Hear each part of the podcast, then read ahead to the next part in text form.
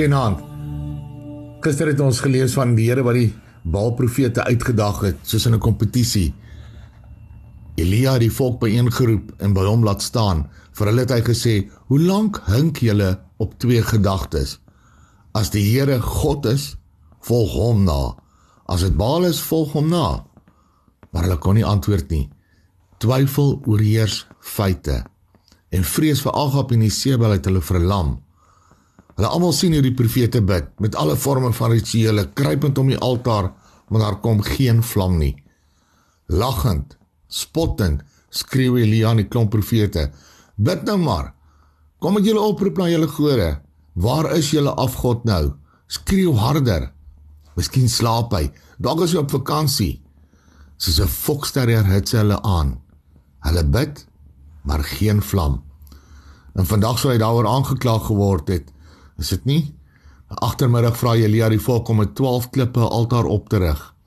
Die hout word gebring, die bil in stukke gesny bo-op en dan word die altaar 3 keer sopnat gegooi met water. Die gebed van Elia was: Here, God van Abraham, Isak en Israel, laat dit vandag bekend word dat U God in Israel is en ek u knegg en dat ek al hierdie dinge op u woord gedoen het antwoord my Here. Antwoord my sodat hierdie volk kan erken dat u Here God is en dat u hulle hart tot u laat terugkeer. Mense wil ampertjie sê daragi darago en die Here het Elias se gebed verhoor en met 'n vuurvlam die offerbul die altaar en die hout verbrand. Die water het opgedroog. En vanaand word vir jou gevra of jy nog hink op twee gedagtes. Twyfel jy soms in God se bestaan? Vra jy ook vir tekens as bewys?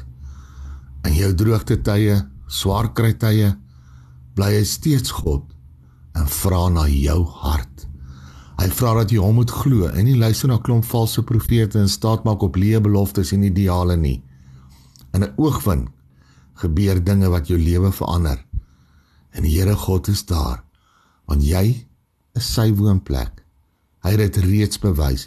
Met sy liefde dra hy jou. En sy bewys is Jesus Christus. Deur hom het hy hom as God met ons verklaar deur sy genade. Mag die Here al jou twyfel wegneem vanaand en aan jou vreugde skenk deur jou geloof in hom. Amen. Nag sê Here